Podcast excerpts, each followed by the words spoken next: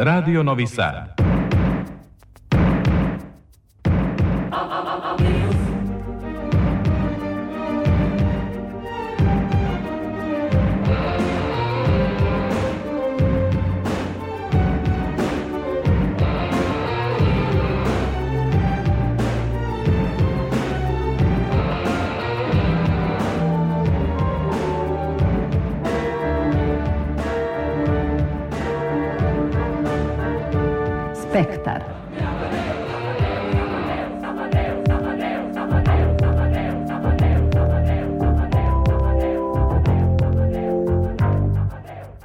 Spektar.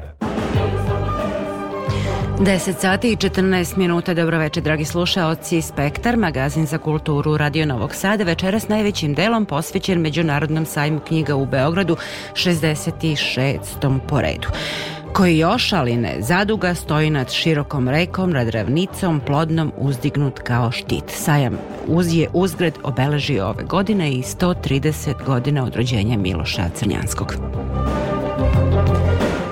A koliko vedra peva i koliko doseže njegova grmljavina, večeras je sa mnom u studiju i Tatjana Novčić-Matijević, pa ćemo razgovarati i o tome.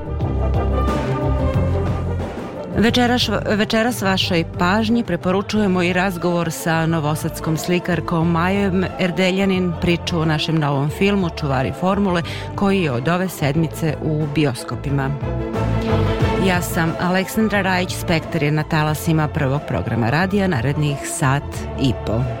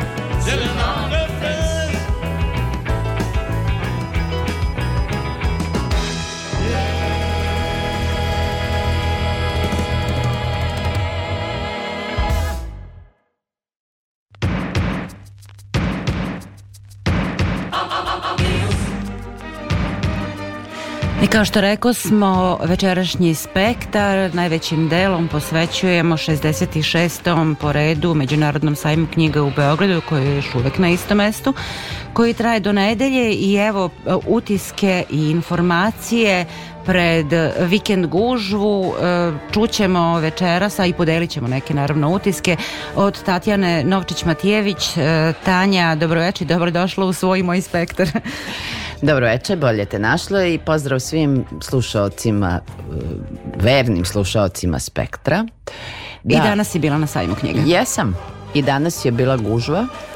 Kao da se školski dan produžio i na danas. Neverovatno je koliko je bilo dece i osnovnoškolskog uzrasta i srednjoškolaca. Mislim da je prosto petak bio razlog, samom činjenicom sutra ne moraju da idu u školu pa imaju kada se odmaraju. I negde to je već tradicija njihovo ponašanje na, ovaj, u, u, u hali jedan pod kupolom o, neću govoriti o, o tome kako zapravo vidi se da su oni e, deca e, vizuelnih fascinacija i svega onoga što im Instagram, TikTok i ostale mreže nude i hrle ka tome. E, primetila sam jednu lepu stvar, jedan dečak, možda 10-11 godina, svratio je na štand štrika i O, pa to je- kupio knjigu Annie Ernaux. Ja pretpostavljam da je mama dala spisak, ali on ispunio svoj, svoju obavezu, što je bilo lepo i svi smo onako bili prijatno iznenađeni i to je zaista onako kuriozitet.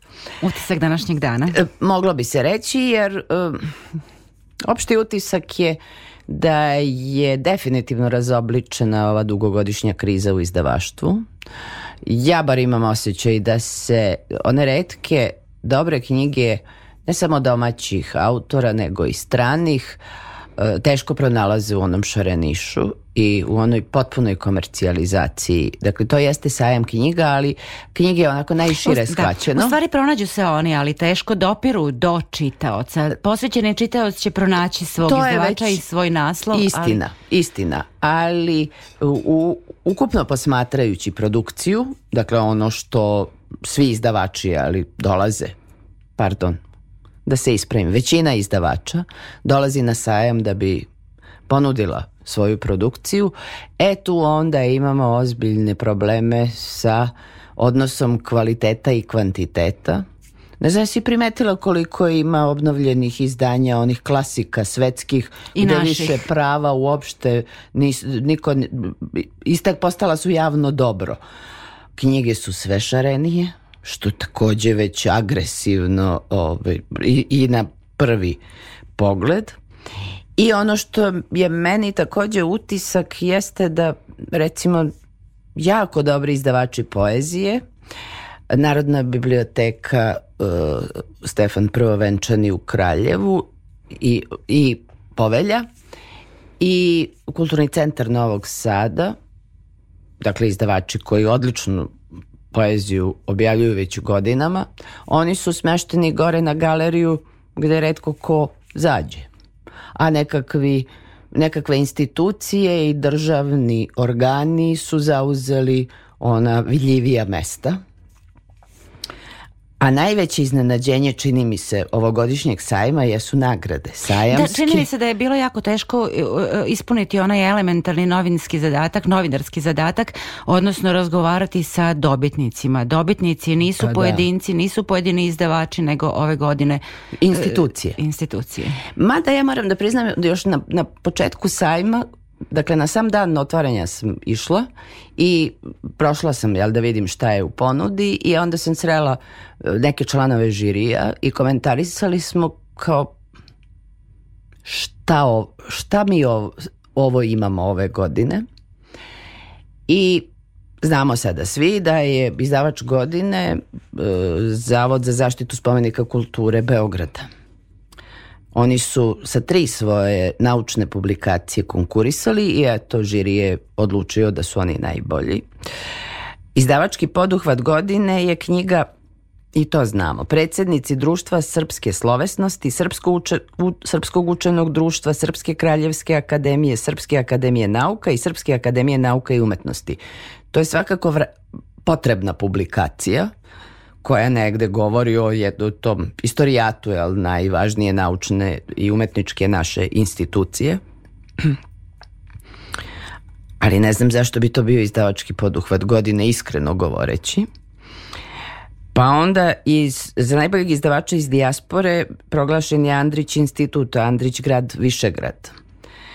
Pa onda posebno priznanje iz oblasti nauke je stiglo u knjizi e, knez Mihajlo Obrenović, Huk izdavaštvu. Očigledno je da se žiri fokusirao na nauku i na publikacije iz nauke, jer tek tamo u onom delu gde, gde nema nauke ili, ili je jako malo ima kad je reč o književnosti za decu, tu su stigli na red izdavači. E, Rekla bih I da, to je vrlo problematično, da li baš svi izdavači. rekla bih da postoji prosto ta neka asimetrična situacija između napora i e, rezultata, odnosno nagrada. Izda, izdavači su posljednjih godina e, pogotovo posle covid krize, jel tako, prosto samo sagovoravali, uh, us, uh, pokušavajući Apsolutno. i, i ulažući napore da izvedu ovogodišnju produkciju i kako je to rezultiralo, dakle, vrlo uh, skromnim uh, priznanjima i nagradama, s druge strane imamo ustanove među kojima su i one budžetske koje izdaju kapitalna izdanja pretpostavljam finansijski i uh, Podržane, po da, resursima da, da. mnogo jednostavnije nego jedan uh, izdavač. O, o čemu bi to moglo da govori?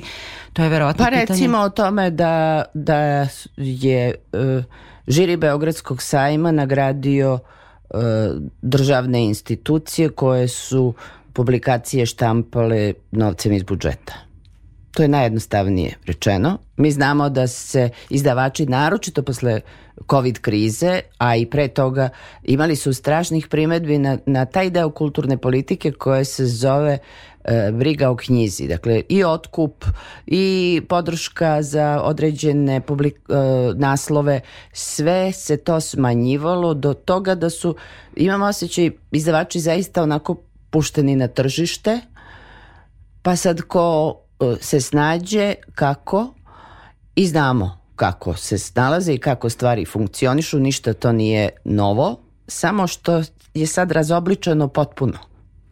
Imam Meni je osjećaj. upao podatak čitajući ove nagrade, upada, upao mi je u oči i podatak da je za dečju knjigu zapravo knji, e, nagradu dobila opet ne izdavačka kuća, nego jedno udruženje koje se uopšte ne bavi, kome je zapravo izdavaštvo jedna od delatnosti isto Nije primarna, da, nije primarna delatnost. I to udruženje za razvoj profesionalnih veština. I to za... e, nešto što nije pripada isključivo ni mediju knjige, nego izlazi u te neke Pa da, nove tehnologije, digitalne, multimedijalno. Multimedijalno, ovaj, kako bismo je nazvali. Nije ni publikacija, ni Da, da. nešto. I to za ediciju, dakle ne ni, ni za određenu knjigu, nego za celu ediciju. E sad sa dida- didaktičke ovaj, strane pretpostavljam to zaista ima smisla deci, odnosno predškolcima ponuditi takvo jedno izdanje. Sa neke druge čitalačke strane razmišljamo o tome koliko je uopšte poželjno deci kvariti medij knjige gde imaju potpuno jedan specifičan svet, specifičnu vrstu imaginacije time da ih usmeravaš i u digitalne medije gde su i onako Pa pretežni deo dana. Tamo su kao riba u vodi. je. Jeste, da, da.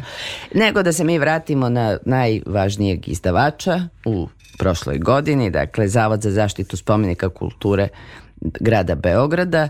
Ja sam danas imala sreću da uh, direktorka uh, Olivera Vučković dođe na štand i da popričam sa njom.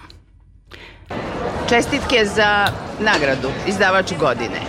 Jeste nas sve iznenadilo, s obzirom na to da je vaša primarna delatnost potpuno iz drugog domena, ali se nalazimo pod kupolom koja je vaš domen. Tako da, da negde sve ove publikacije koje ste vi objavili daju za pravo za tu nagradu. Je li dobro osjećanje? Pa hvala vam, ovo je zaista bilo iznenađenje za nas. Dakle, zavod postoji od 1960. godine i u kontinuitetu ima izdavačku delatnost, ali kao što ste rekli, to nije naša primarna delatnost. Mi se bavimo zaštitom nepokretnog kulturnog nasleđa Beograda, na čijem pro- prostoru ima 446 spomenika kulture, koji su i javne zgrade, HM-ska sala kao što je ova i čitav niz drugih javnih objekata i objekata u privatnoj svojini ali se bavimo izdavaštvom i to stvarno kontinuirano i dobro i što možete vidjeti po našim izdanjima koji se nalaze izloženi na sajmu knjiga, a na sajmu knjiga smo više od jedne decenije i svake godine privlačimo pažnju, naročito onih ljudi koji se zanimaju za istoriju svoga grada, koji se zanimaju za arhitekturu svoga grada i kulturno nasleđe. I takvih ljudi, hvala e, Bogu i hvala nekako ljudima, ima ih sve više i više. Kulturno nasleđe je u fokusu, a naš zadatak jeste da ga čuvamo i na najbolji način prezentujemo.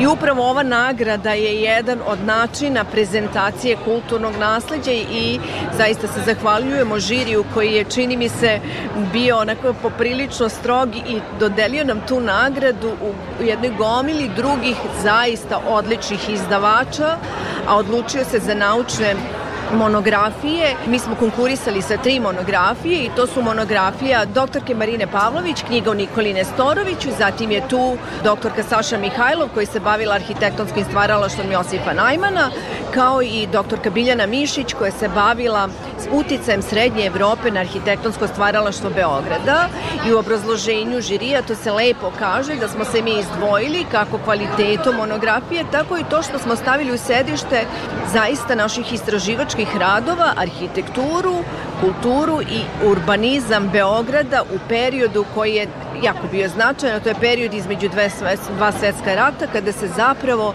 informirao naš grad takav kako ga mi danas vidimo.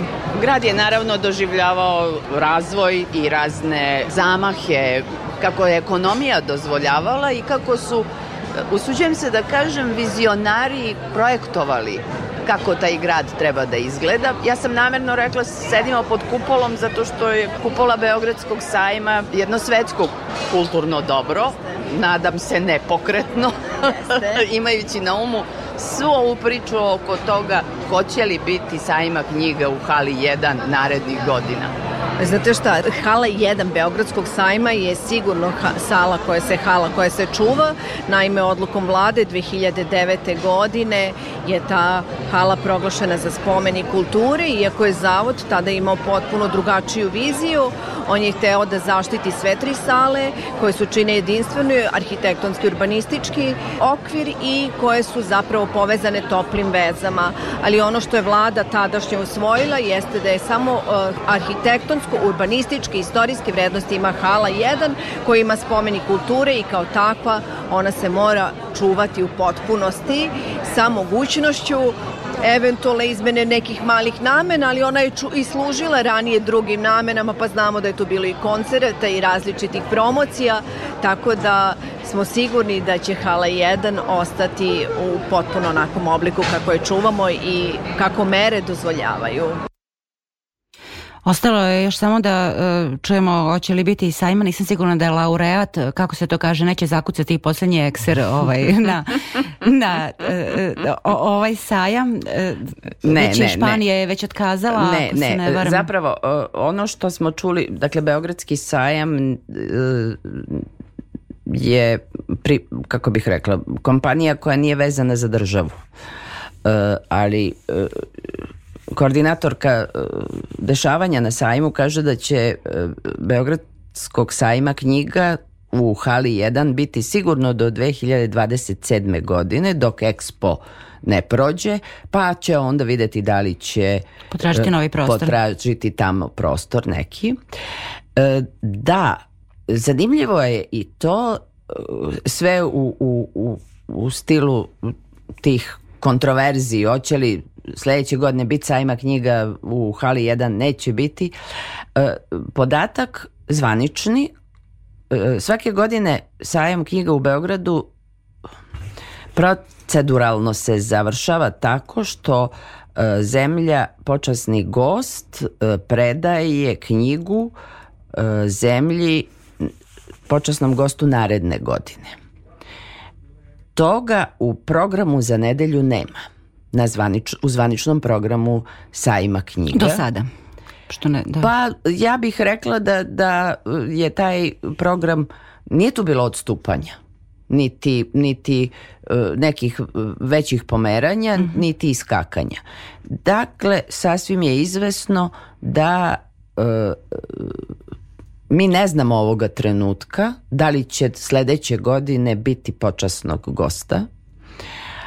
E, moram da kažem da je Francuska izvanrednu prezentaciju svoje kulture i umetnosti imala na ovom sajmu i zaista pokazala da je to velika, velika svetska kultura.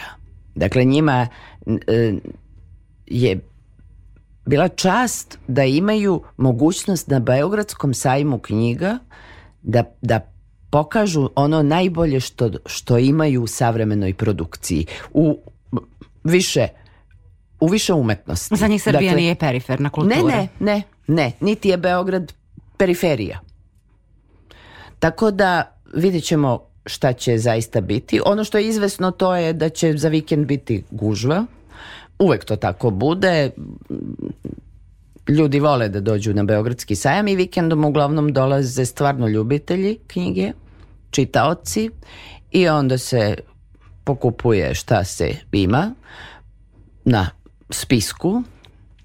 Sad pretpostavljam da će i debljina novčanika ipak uh, odrediti malo uh, taj, redukovati taj spisak samom činjenicom da su knjige ipak skuplje nego prethodnih godina uprkos sajamskim popustima i, i što može da se nađe uh, dobrih popusta ali Da, na popustima su samo kad se prazne magacine. tako zapravo, je, da. objektivno novi naslovi su Preskupi. skupi, Za naš naro- naročito ako se ima želja i potreba da se kupi više toga. Te tako držimo palčeve da sajam knjiga opstane. E, prosto dobro bi bilo. Dobro bi bilo. Ja ti se zahvaljujem na ovim e, utiscima i na ovim informacijama i da kažem slušaocima Evo, sada je e, nekih 24 minuta do 11 i u nastavku spektra govorimo o sajmu, ali o nekim programima, e, o knjigama i o piscima najviše sledećeg petka. Hvala ti na ovome.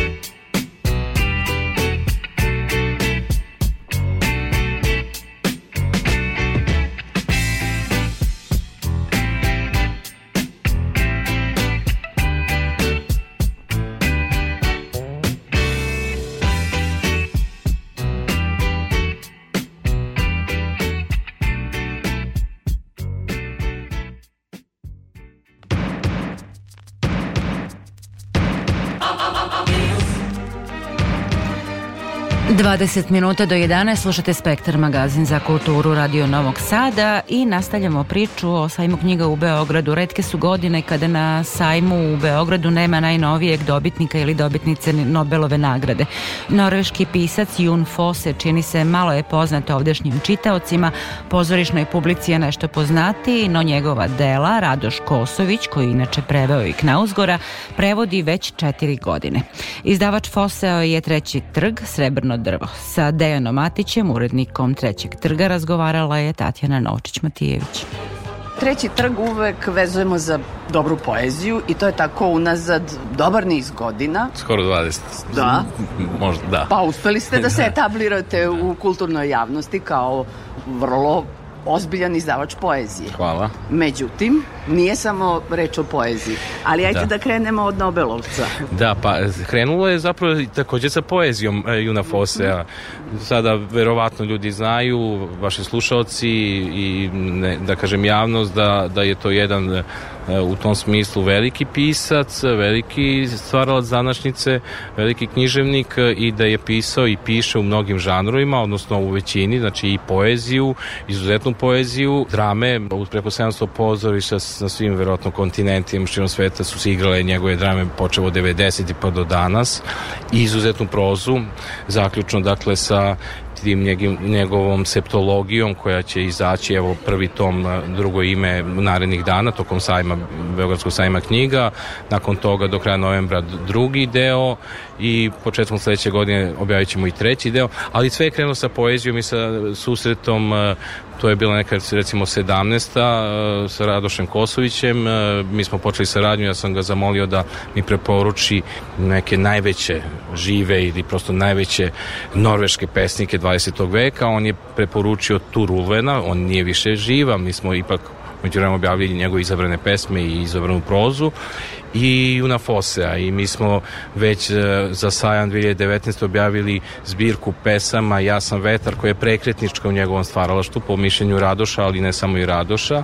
Iste godine smo objavili e, dramu koja je već bila prevođenja i igrala se e, nekoliko puta da Ja sam vetar, jedna kratka drama ovaj, sa dva lika i tako mislim e, kamerna u tom smislu, ali obe knjige su poetički bliske i zapravo mi smo se kao izdavači Treći trg i Srebrno drvo opredelili za tu neku, ajde kažemo, drugu ili sadašnju fazu Foseju koja traja već možda skoro i 20 godina ili manje više, gde je njegov jezik i u poeziji i u drami i u prozi naglašeno poetičan, naglašeno ritmičan, koje odlikuje s jedne strane sažetost, jasne reči, jednostavne situacije, najčešće je tu čovek postavljen u neku egzistencijalnu situaciju prema drugim, bliskim, da li je to partnerski odnos, da li je prosto odnos prijateljstva ili je čovjek usamljen, okružen tom neverovatnom severnjačkom prirodom i onda tu se dešavaju zaista najobičnije svakodnevne stvari i, i, i on to kroz niz dela, dakle,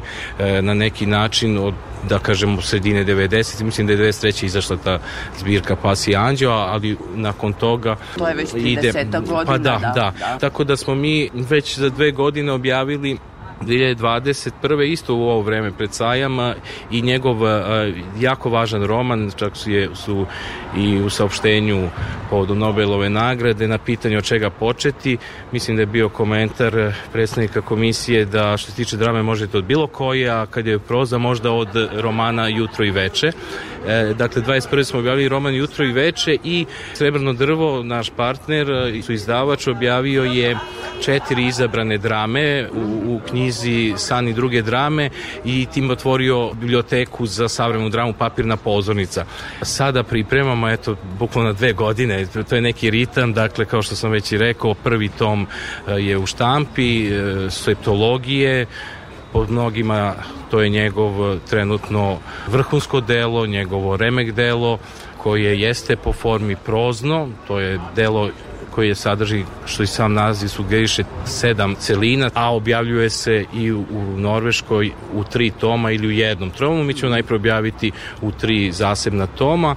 Naravno, prevodljac je Radoš Kosović, ali ono što je važno za to delo, koje je takođe istaknuto povodom Nobelove nagrade, da ono na neki način, e, zapravo Fose u tom delu nekako sažima i on bi to rekao baš na neki način stvara tu, tu svetlost za kojom traga kao, kao pisac, iako je glavni lik i u ovom delu kao i u prethodnom Melanholija slikar, odnosno dva slikara i tu se dosta govori naravno i umetnosti, ali i o alkoholizmu i u drugim egzistencijalnim problemima, ali on sažima nekako i kroz likove i kroz e, sam tok radnje i kroz e, način naracije sažima sve ono što je bukvalno radio zadnjih možda eto zadnje dve decenije i eto jedna mala anegdota za ekskluzivno za vaše slušalce mislim da je nismo spominjali u javnosti Radoš i ja ovaj ali mi godinama već od 2018. 17. kad smo krenuli da sa Fosem agenticom Ginom komuniciramo povodom njegovih dela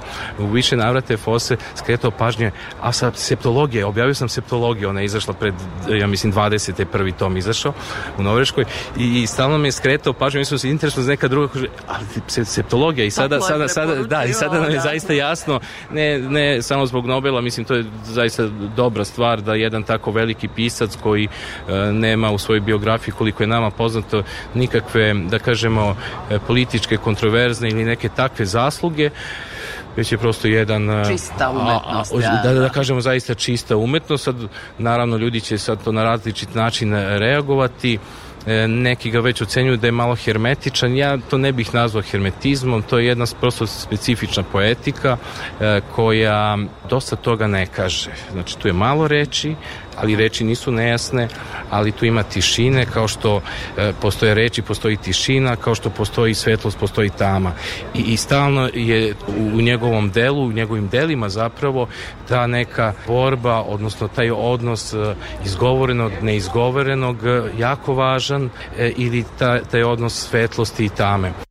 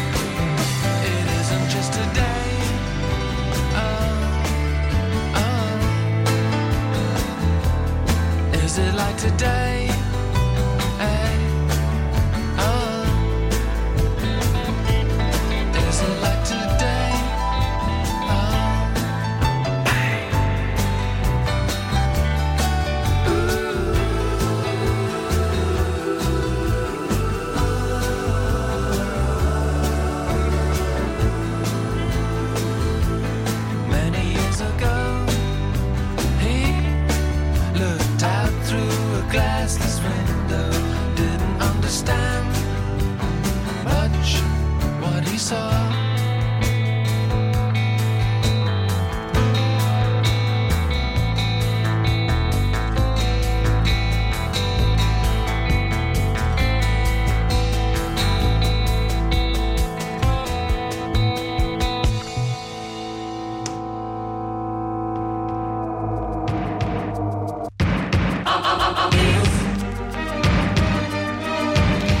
66. Međunarodni sajam knjiga u Beogradu protiče u znaku nekoliko značajnih jubileja. 130 godina od rođenja Miloša Canjanskog, 150 godina od rođenja Radoja Domanovića, 190 godina od rođenja Jovana Jovanovića Zmaja.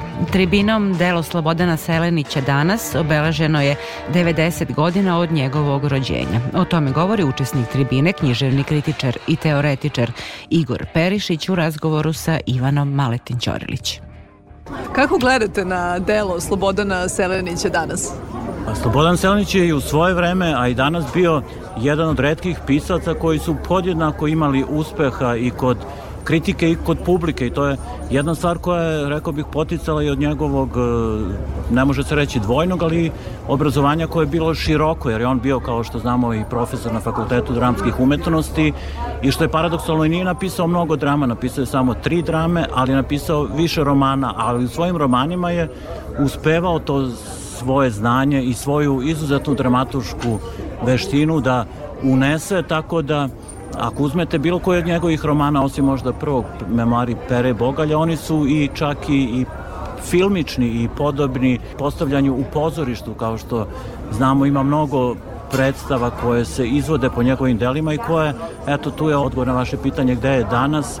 I danas je ona scenama, sad skoro je bila, sada ne mogu tačno da se setim da li proletos ili prošle, prošle godine premijera nove verzije Očeva i Oca koji je izvanredno isto dramaturški komponovan i tako da Selenić i, i, i sa ove i filmske strane živi jer je i do danas ostao film Gorčina Stojanovića ubistvo s predumišljajem kultni a i sami Selenićevi romani ne zaostaju ni malo za ovim što sam malo pregovorio, jer i oni se čitaju, živi su, pišu se naučni radovi, čitaju se, vidim da ima više izdanja kod Lagune i kod drugih izdavača njegovih romana, a i ovim naučno-akademskim krugovima Dosta se govori o njemu i mi ćemo na Institutu za književnost i umetnost imati sledeće godine, još ne znamo tačno datum, da u martu i aprilu, jedan veliki međunarodni naučni skup posvećen delu Slobodana Selenića, tako da čini mi se da je on jedan od redkih pisaca koji živi na više, na mnogo tih e, kulturno-umetničkih polja. Da li nove generacije znaju kako čuvamo uspomenu na Selenića? Da li mu posvećujemo dovoljno pažnje? Zanimljivo, pošto ja se trudim da budem u toku sa razmišljanjima i sa ukusom e, mlađih generacija i obično znam kada oni nešto doživljavaju kao, kao malo prevaziđeno, a u Selenićevom slučaju čini mi se da je tu negde između, možda jeste e, malo zaboravljeno njegovo delo kao pisano delo, jel, ali pre svega zbog ove filmske adaptacije e, čini mi se čini mi se da živi jer, jer se i danas e, ponavljaju neke replike iz e, toga filma i te uloge koje su stvarili tada glumci u Teku Povoju, a kasnije glumci koji su postali svi legende srpskog filma kao što su Dragan Mićanović, Ana Sofrenović, Nebojša Glogovac i da ne nabrajam dalje, e, jesu sada, osim Nebojše Glogovca, nažalost, iz razloga svima poznatih, jesu i dalje u fokusu mlađih generacija i to je ta spona koja je potrebna. Neki se možda namrgođeni teoretičari književnosti i bune zato zbog tih suviše intermedijalnih preplitanja, ali meni je to dobro upravo zbog ovoga što ste vi postavili kao pitanje zato što recimo znam da je Dragan Mićanović kod mladih ljudi i dalje zvezda i u smislu njegovih glumačkih kvaliteta i u smislu njegovog fizičkog izgleda, jer Dragan Mićanović je dalje taj koji privlači, privlači pažnju i svojim, svojom gospodstvenom i rekao bih i lepom fizičkom pojavom. Tako da na taj način je e, uspeo, uspeo čini mi se ipak ako ćemo da sumiramo da prebaci tu barijeru i da ostane aktualan i kod mlađih generacija i danas. Kako ocenjujete ovo 66. izdanje sajma knjiga? Jeste li imali vremena da malo proučite ponudu?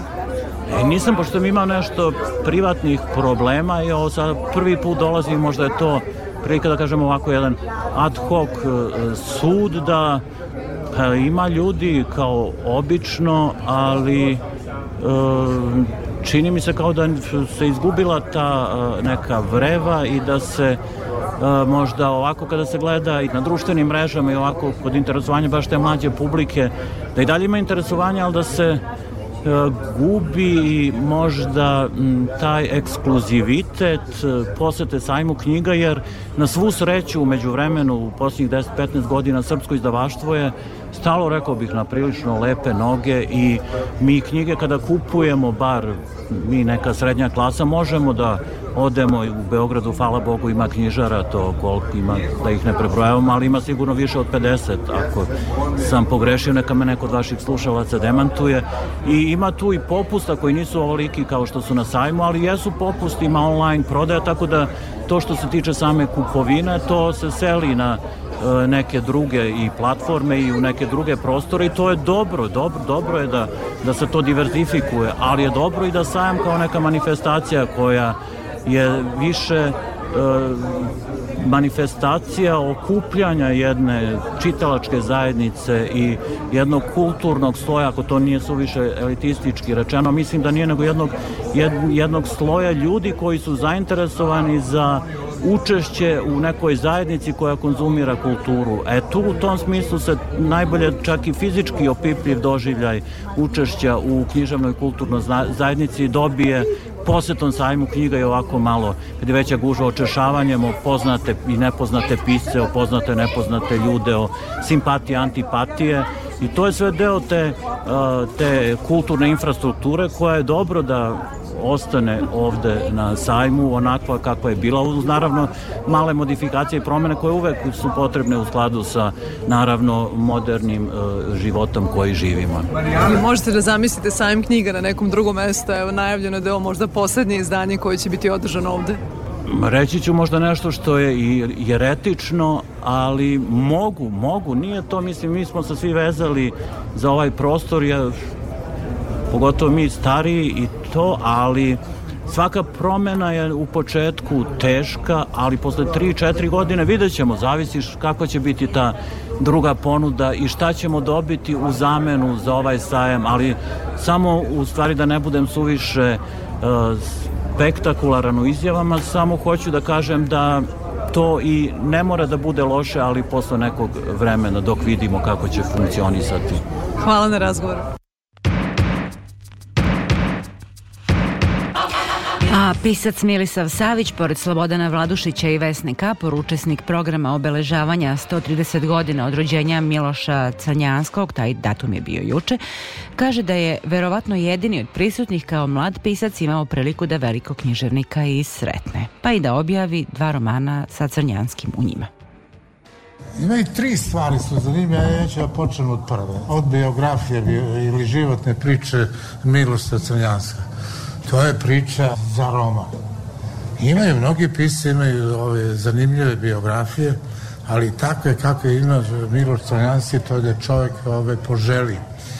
Nije ta biografija samo, kako bi se reklo, svetla, ili ovaj, uspešna ili život jedan koji je preveden kako je on volio da kaže u veselju ima tu i mračnih stvari ali u toj priči o Milošu ovaj, Crnjansku koja liči na priču o Odiseju kao da je predvido sa tim naslovom ove svoje prve zbirke Itaka ili povratak u Itaku da, da će njegov život obiležiti Odisej. I na tom svom putovanju kao Odisej on je živao i u rajevima znači u rajevima Kalipse ili Kirka ti njegovi rajevi su bili ta, ta po meni ta njegova diplomatski ti boraci u Nemačkoj naročito u Italiji ili njegova putovanja kao novinara od Španije do, do Norveške. Ali je kao i Odise došao i do predvorja pakla taj pakao mu je bio London. To je to, on je dakle iskusio i pakao tako da je to ova, jedna biografija vrlo zanimljiva. Moglo bi se reći da je to biografija sa happy endom. Je da, on se ipak vratio ovaj, u Itaku, ostao je veran svojoj Penelopi, iako je bio ovaj, nestašan u životu, voleo je, to je poznato, da koketuje i da se udvara ove ženama, to se vidi iz njegove proze, u tome uživa, kao, kao svaki ovaj, muškara sa egom, ali ipak je vida ostala njegova ove, verna Penelopa i on je ostao veran nju, dakle on je zaista nju voleo. Ima još jedna zanimljiva priča, to možemo se vratimo kasnije u to njegove biografije, da je on ovaj, u posljednje godine života ili posljednje 20 godina strahao da će ga likvidirati neka od tajnih službi. Ne samo naša udba na prvom mestu, nego i engleski MI6 tad nije CIA bilo nešto u povoju kad je on ovaj, ovaj, tada ovaj, živo, nego KGB.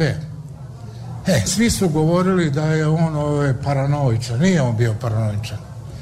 Kad se samo setimo tih vremena, ili to njegovo vreme su obeležile mnoge likvidacije istaknutih umetnika i pisaca i on koji se zamerio mnogima je stvarno strahovao za svoj život. On je govorio, kaže, dovoljno samo malo da vam posole, kaže, jelo. Kaže, i vi odoste ovaj, naravno. Ta priča njegova, ovaj, njegov strah, on je umro sa strahom. Nije on umro srećan, odmah to da znate. Ta priča je u stvari priča o jednom vremenu koju smo mi zaboravili. Odavno se zaboravili, to je vreme programa, samo, jer znate koliko, koliko su ubili pisaca fašisti, koliko ove komunisti i naši, i, ove, pogotovo sovjetski, to je to. Miloš Crnjanski ovaj, sa svojom pojom ovaj, kad se pojavio, ja ga tako zamišljam, tu se videlo da, da, da, je, da je pisac. Vi znate da sam ja bio dugo urednik i knjižne reči i knjižne novina, pa i prosti. I kad, je, kad bi kod mene tad u knjižnoj reči došao neki mladi pisac i donao mi pesme i priče, ja sam po pojavi znao da li je on pisac ili nije. Ne može bre svako da bude pisac, mora da izgleda po mom ubeđenju kao je pisac. Recimo kad sam vidio Biljanu Jovanović, koja je sad postala kultno ime ja sam znao da je to pisac. Da on ne opisujem kako je izgledala i, i na osnovu čega sam ja shvatio da bi... E, Crnjanski je, tako ga ja zamišljam, kad se on pojavio ne znam sa svojim pričom o pričama gde je prvo sarađivo to zna Vladuši da li u Hrvatskoj ili negde oni su videli da je to pisac lep, mlada, kočapar nadoduboran, svađali se to je pisac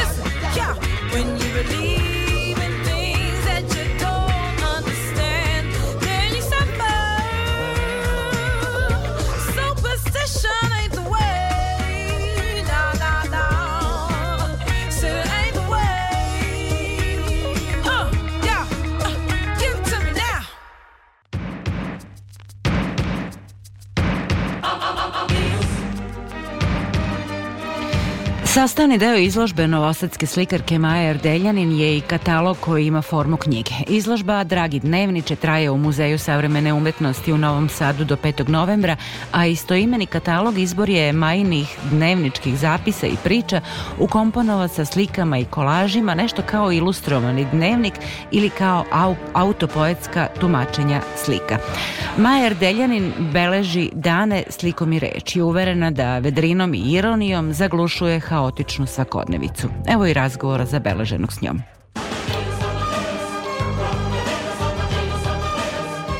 Vaša je edicija, vaš umetnički projekat Dragi dnevniče je jedna pisana forma e, i laička i književna, ali je istovremeno i slikana forma, dakle možemo je zvati hibridnom, ali to je e, zapravo pravi izgled, ja bih rekla, e, dnevnika, onako kako ga svi radimo, uz te neke zapise, uz te neke rečenice, volimo i da neke marginalije napravimo olovkom, naravno to kod vas nisu marginalije.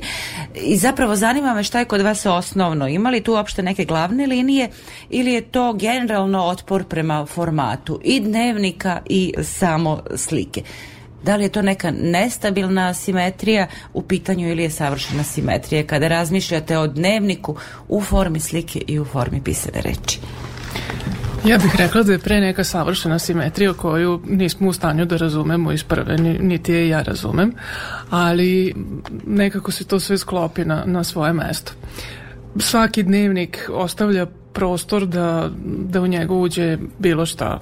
Tu ne postoji ni određeni književni izraz, niti znakovi interpunkcije, ni gramatika, jednostavno ja sam ne poštovala koliko je poznajem, ali znači može svašta tu da dođe, mogu da budu i isečci iz novina i neki suveniri eh, tog tipa tako štampanog, stvarno svašta može da, da uđe u dnevnik jer eh, zaista svašta ulazi u naš život i proživimo stvari koje nismo planirali.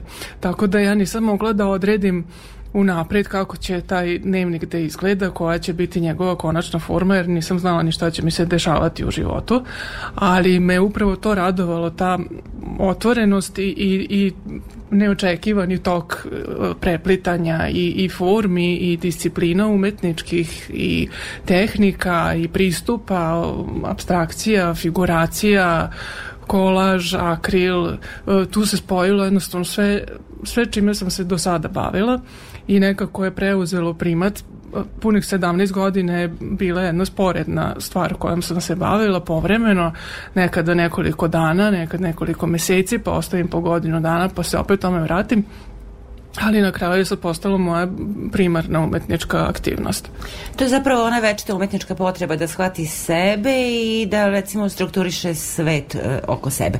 Sad mene zanima šta je starije, dnevnik ili slikanje? Jeste li prepočeli da pišete dnevnik ili ste se opredelili za slikarstvo kao vaš način izražavanja? Pišete li dnevnik zapravo od detinjstva? Pa zapravo i pišem i pronašla sam uh, nedavno te neke svoje tinejdžerske dnevnike, a pre nego što sam sama počela da beležim dnevnike, moji roditelji su beležili tako moje, moje stasavanje, odnosno one dečije bisere i neke kovanice koje su njima bile zanimljive, pa čak i neke pesme i, i nek, neka filozofska razmišljanja kojih se ja i sećam, ovaj, ali nisam znala da sam to izgovorila naglas i da su mi ovaj, da su to zapisali. Tako da to bih rekla da je prvi dnevnik koji je moj tata kasnije preradio u jednu pesmu, Majin rečnik i dobio je nagradu za to, a ja sam kasnije taj, i tu njegovu pesmu i taj dnevnik preradila u sliku koja Samo da podsjetimo slušaoce, na- dakle govorimo o vašem ocu Anđelku Jardeljaninu, dugogodišnjem novinaru, humoristi, naravno i piscu Radio Novog Sada. Tako je. I, I puno smo i sarađivali, ja sam ilustrovala njegove knjige, on je meni lektorisao moje književne pokušaje, tako da se to nekako uvek preplitalo, reč i slika. Dragi dnevnik je zapravo projekat, kako se to kaže, work in progress. To je projekat koji traje i koji naravno ima neizvesnu, e, e, pretpostavljam, e, budućnost, ali sigurno svetlu i sigurno ostvarivu, zapravo izvesnu. E, Od kada traje, kako je počeo i kako će se razvijati? Započela sam 2006. sa tim konceptom, ali i sa još nekoliko stvari istovremeno. E, tad sam započela i svoj ciklus terapija bojama, odnosno color therapy, na engleskom, pošto sam se oslanjala na reklame sa e- engleskog govornog područja. To je bio jedan abstraktan likovni izraz, dok je ovaj više narativan, mada i tu ima svega i svačega. Počela sam ih paralelno, tada sam upisala i master, tada sam počela da pišem i, i ove kratke priče, ali nisam bila svesna da sam zapravo u to vrijeme počela toliko puno stvari koje će se razvijati dosta dugo. Nekih 7-8 godina sam radila taj ciklus terapija bojama, a ovo je dakle sad već punih i više od 17 godina na dragom dnevniku radim. Ideja mi je bila da napravim jedan veliki poliptih koji ipak ima jedno ograničenje i to je ono što povezuje sve, a to je kao prvo datum koji stoji na svakom uh, listu ili na, na platnu, a drugo format koji je bio identičan prvih 14 godina dok nisam popunila sve datume u godini a format je bio 24 puta 30 cm simbolično 24 sata puta 30 dana u, u mesecu. Bio mi je plan da napravim jel, za svaki datum po jednu sliku, mada je na kraju bilo i po nekoliko slika za pojedine datume, sasvim slučajno i da ih postavim redom od 1. januara do 31. decembra s tim da godine ne idu redom, idu na preskokce, ali datum idu, jer je to nekako i način na koji se mi sećamo svakog dana u nekoj godini, recimo 1. januara setimo se što smo radili pre 7 godina ili pre 2 godine, Da, zapravo svetski kalendar je pun tih važnih datuma, svaki dan e, ima neko specifično obeležje vezane za nešto, a, a i zapravo i vaš e, svaki dan je na ovoj izložbi, evo to smo videli, praznik, ali e, ima sasvim jedno lično značenje. Tako je. Pošla sam od tih svetskih dana svesnosti slušala sam na radiju u ateljeu, svaki dan su nam čestitali svetski dan i vatrogasaca i medicinskih sestara i svetski dan jaja i piva i levorukih i nekih veoma ozbiljnih tema kao što su neke o, bolesti ili pojave u društvu a i nekih tako koji deluju komično, ali verovatno nisu čim neko želi da to obeleži na svetskom nivou.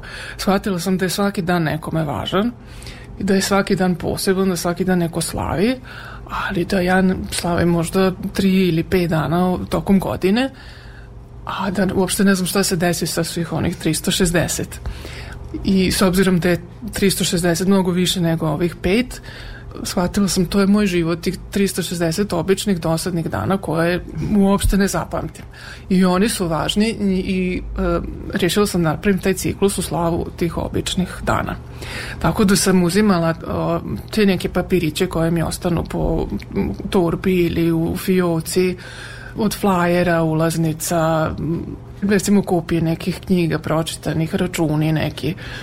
I rešila sam da to bude, znači svetski dan je toga i toga, a to je moj dan kupovine novog tiganja ili pravljenja kolača sa višnjama. Pogrešnih odluka. I pogrešnih odluka. I, znači, tu, tu i stvarno ovaj, nisam znala šta će sve, sve tu da se desi, ali jednom kad počnete da nabrajate, bilo da pišete u svom dnevniku ili eto tako da slikate i pišete i snimate video, na kraju vidite da stvarno ima svega što je vredno pamćenja.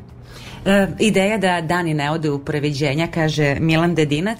E sad, e, ti vaši dani i taj još posao ima tu jednu zabavnu, ali ima, rekla bih, neku oslobađajuću, neku terapeutsku notu, ne samo za vas kao autora, nego i za nas koji e, gledamo takav način doživljaja stvarnosti i dana oko nas.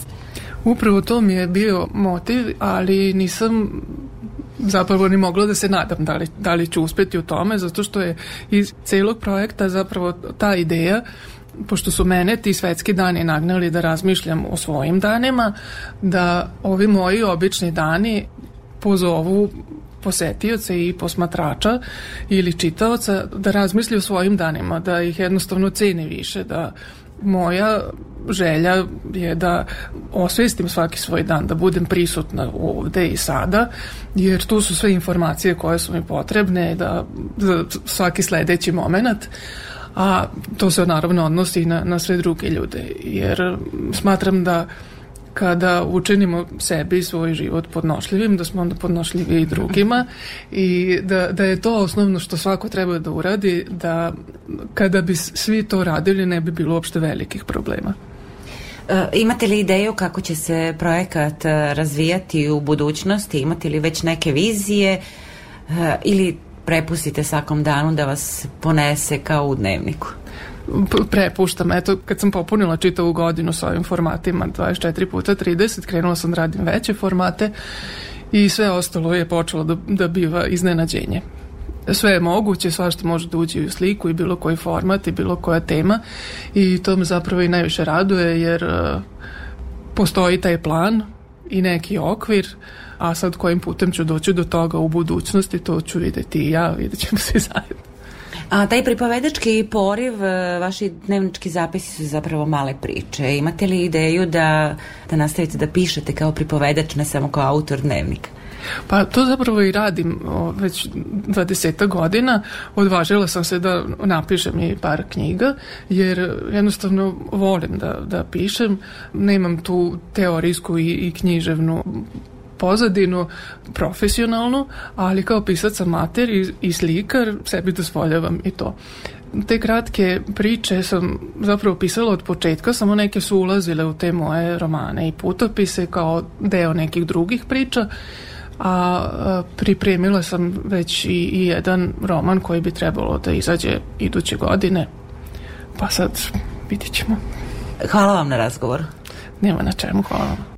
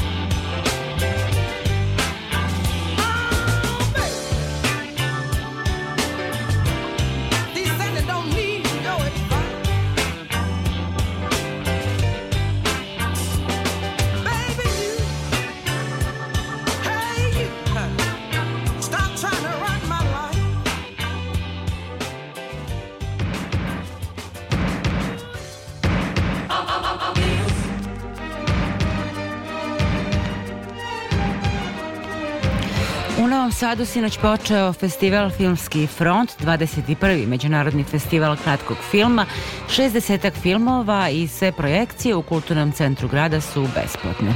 U utorak počinje i Slobodna zona, 19. po redu, programi i projekcije bit će održani u Novom Sadu, Beogradu, Nišu i Kragujevcu i bit će prikazana 64 filma. A u bioskopima je novi film Dragana Bjelogrlića Čuvari formu- formule. Snimljen je prema romanu Slučaj Vinča Gorana Milošinovića i već prikazan na nekim evropskim festivalima i odlično prihvaćen od publike. Film je istinite priča, govori o dešavanjima u Vinči krajem 50. godina kada su naši naučnici izloženi velikim dozama zračenja poslati u Francusku na lečenje i hum- govori o humanosti Francuza koji su donirali kosnu srž u vreme kada je ta metoda bila vrlo rizična. Film je gledao Goran Vukčević. Radivoje Bukvić igra profesora Dragoslava Popovića i evo kako je razgovarao s njim. Radivoje Raša Bukvić, e, vrlo zaposleni ovde i u Francuskoj sa sjajnim francuskim, ali pre svega i ovo sjajno izneo kao i mnoge prethodne uloge. E, Rašo, dobrodošao opet u Novi Sad. O, I ovde si koliko u Parizu. Bolje vas našao. Bolje vas našao. K- kako si se e, ovde pripremao? Francuski si već znao dobro, ali ovaj, kako, je, e, kako si se pripremao za ovu epohu koja ipak pripada nešto nama malo starijima, a i u stvari ni moje generacije, nego još starijima. Kakva su tvoja iskustva? Ti si već imao naravno iskustvo rada sa francuskim kolegama iz mnogih filmova ranije. Da. Ali kakva p- p- iskustva nosiš baš sa projekta, sa filma Čuvari forme? Pa najzahtevnije je bilo u stvari približiti se liku profesora koji se ozračio i koji je, koji je jednostavno u procesu izlečenja morao da izgleda potpuno ispijeno, bolesno, um, apatično, maltene bez, bez, bez snage. I onda se moralo mršaviti. I jednostavno bez, bez gubitka kilograma ova uloga se jednostavno nije mogla ovaj, odigrati, oživeti. I to je bilo najzahtevnije u stvari, izgubiti nekih 12-13 kilograma u neka 2-3 meseca, ali tu kako Bog to hoće, ovaj, dobijem informaciju da postoji neki japanski a, nutricionista koji nije dobio Nobelovu nagradu, a, go, a tema je autofagija. On je smislio, on je osmislio ja pročitam nešto o autofagiji, malo krenem da kopam i zahvaljujući tom članku jednom koji sam pročitao krenem na autofagiju koju svima, čak i onima koji nemaju problema sa mršavljenjem trenutno rado preporučujem. Tako i dođem e, do tog izgleda koji je drugačiji od e, mog trenutnog. Da, meni je zanimljivo e, što te je ovako krenula bliska epoha. Radio si trak divljači, drugačija uloga, sasvim drugačiji izgled, ali samo evo još par rečenica, pošto već zovu za defile ovde. Ovo je isto bliska epoha kao trag Da. divljači, Jeste, ali- malo dalja, ali opet e, zanimljivo je ulaziti te bliske epohe, sasvim drugčija uloga, sasvim drugčiji lik i sasvim drugčiji tvoj izgled. Pa ne, i ne samo to, nego je drugačija, drugačija je atmosfera i drugačiji je kontekst. Znaš, o, u Tragu divljači to su 70. godine, tad je Jugoslavija bila potpuno drugačija u odnosu na 57. Da, da, da. Kako je protekao defile, tu su i neke francuske kolege, Jeste, evo ih neko, ne neko, neke, nego nekoliko. čak nekoliko što je Čak. posebna čast. U. Beogradu su možda bili i svi. Nisu bili svi, došli su samo njih a, sedmoro, osmoro. Dvoje, troje nije moglo da dođe zbog nekih profesionalnih obaveza, ali vo, zavolili su Beograd i Srbiju kad su snimali, a sad evo volili su i da se vrate na premijeru, znaš. Da, e, film inače e, dobro prolazi i sa nagradama od zvaničnih žirija, a, a i publika je oduševljena, to mogu da ti potvrdim s obzirom da sam bio na ovoj prethodnoj projekciji, sad sledi i premijera. Hvala ti, nisu, pretpostavljam da si u pravu. Gledao si sa publikom, gledao si film s publikom. Jeste. Ne, u stvari, gledao sam prvi put u bioskopu juče u Beogradu i video sam da zaista prate dobro film, reaguju kada je smešno i duhovito i ono, uzdišu kada nije tako lako. Kakva je bila atmosfera među kolegama na snimanju? Ti si nekako domaći u francuskom govornom prostoru. Sjajno, znaš, samo teška je tema, znaš, nije bilo mnogo prostora za neke sada šale i anegdote kojih se obično najrađe sećamo, jer, je, jer tema je malo teška i bile su neke scene koje su na koji izaskivale dosta ovaj, koncentracije i fokusa, ali između ostalog imalo je prostora da se zezamo uveče i van snimanja, tako da smo to onako obaške koristili. i vodili smo ih na razne strane, znaš, baš, baš su uživali. Da, kakav je dalji put ovog filma? Pa vidjet ćemo, vidjet ćemo, zavisi od uh, mnogih, mnogih Imamo još tri festivala, to znamo, koje sam spomenuo na početku, Sao Paulo, šta sam ti rekao, Palm Springs i, i Tallinn, koji je sad aktualan. Imamo promociju u Ljubljani filma, odnosno premijeru, imamo premijeru filma u Zagrebu, Eto, ne znam, svašta se, sva- svašta se desilo u svojim filmom ovih godinu dana. Da te neko pita uh, o čemu je film, mislim, ako izuzmemo samu priču, da. koja je, koja je srž ovog filma, o čemu on govori na planu ljudskosti? Pa evo dao si odgovor. Ja mislim da to je jedna jedina ovaj, reč, to je ljudskost. Ovo je priča o tome kako jedan običan čovek može da bude heroj samo ako poželi.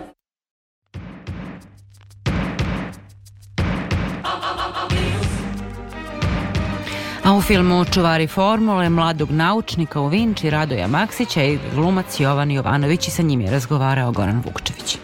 Jovan Jovanović, e, mladi glumac, ali već e, dosta prisutan i već sa dosta projekata u svojoj biografiji. E, Film Čuvari formule ti je ovako pružio dobru, dobar prostor, dobru priliku i saradna sa Bijelom. Kako je to izgledalo radeći znači, sa francuskim kolegama, radeći epohu, kakva iskustva nosiš sa snimanja Čuvara formule? Pa prije svega imali smo, čini mi se, dobru pripremu za ovaj film, nešto što je stvarno rijetkost, bar što se tiče našeg filma i, prosto naše kinematografije, da nekako imamo dovoljno vremena da se pripremimo za svoje uloge i da kasnije snimanje bude samo egzekucija. Mi smo se i fizički i za stolom smo se zapravo pripremali skoro dva, tri mjeseca, imali smo probe, razgovore i negdje smo, čini mi se, na taj način došli do onoga šta, šta želimo da, da primijenimo na samom snimanju. Čini mi se nismo trošili mnogo vremena, ovaj, ni, ni bijeli, ni sebi, ni produkciji, ovaj, da smo bili vrlo, vrlo efikasni. Što se tiče saradnje sa francuskim glumcima, mislim,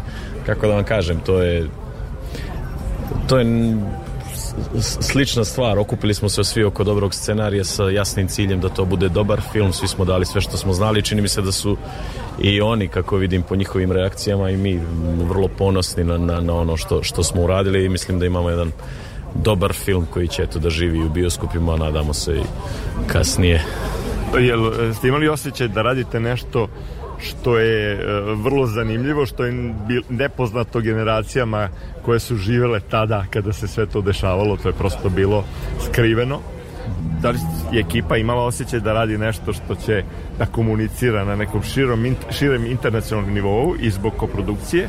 I malo me zanimaju iskustva sa snimanja, ovo je kombinacija, pretpostavljam, prostora naših i francuskih kao naravno ovaj ponegde verovatno e, francusku glume neki naši prostori Aha, pa naravno, mislim, bolnica Kiri prosto mislim da produkcijski nije bilo moguće uopšte da se snima to. ali ovaj, je to vrlo uspešno urađeno Da, scenografi su radili sjajan posao, ovaj, Jelena Sopić i e, Da, i kostime Marine Da, Medenice. Marina Medenice, tako je i... sve je vrlo ubedljivo Maska, ta bliska epoha je uvek najteža za realizaciju Tako je, ali eto, mislim da su svi zajedno oni nama znatno olakšali posao. Eto, snimali smo bolnicu Kiri, smo snimali zapravo arhivu Jugoslavije.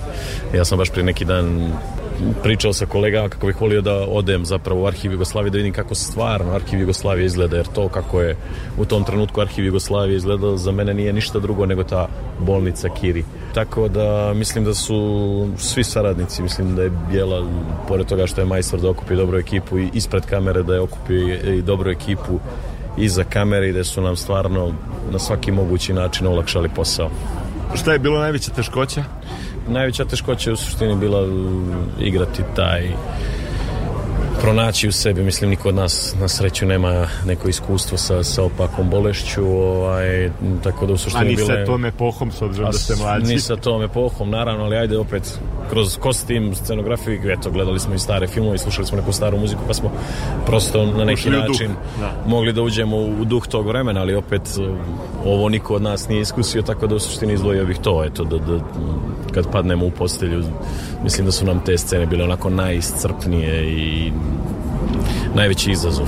Hvala ti, ja ti želim još e, dosta uspešnih projekata, kao što je ovaj i neki prethodni. Dakle, pošto je ovo radio, pa samo eto da, da pomenemo još e, neke projekte u kojima su mogli da te vide gledalci.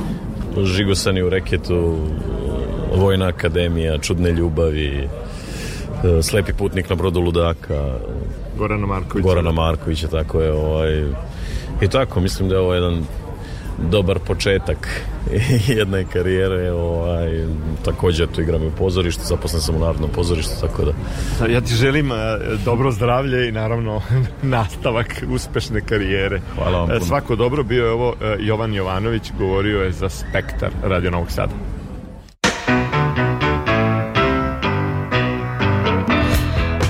Bio je to i Spektar, emisija iz kulture Radio Novog Sada. Emisija je već od sutra na sajtu Radio Televizije Vojvodine na odloženom slušanju. Spektar su večeras realizovali Zoran Gajinov, Dragoslav Đurđev, ja sam Aleksandra Rajić. Želim vam prijatnu noć i do slušanja do sledećeg petka.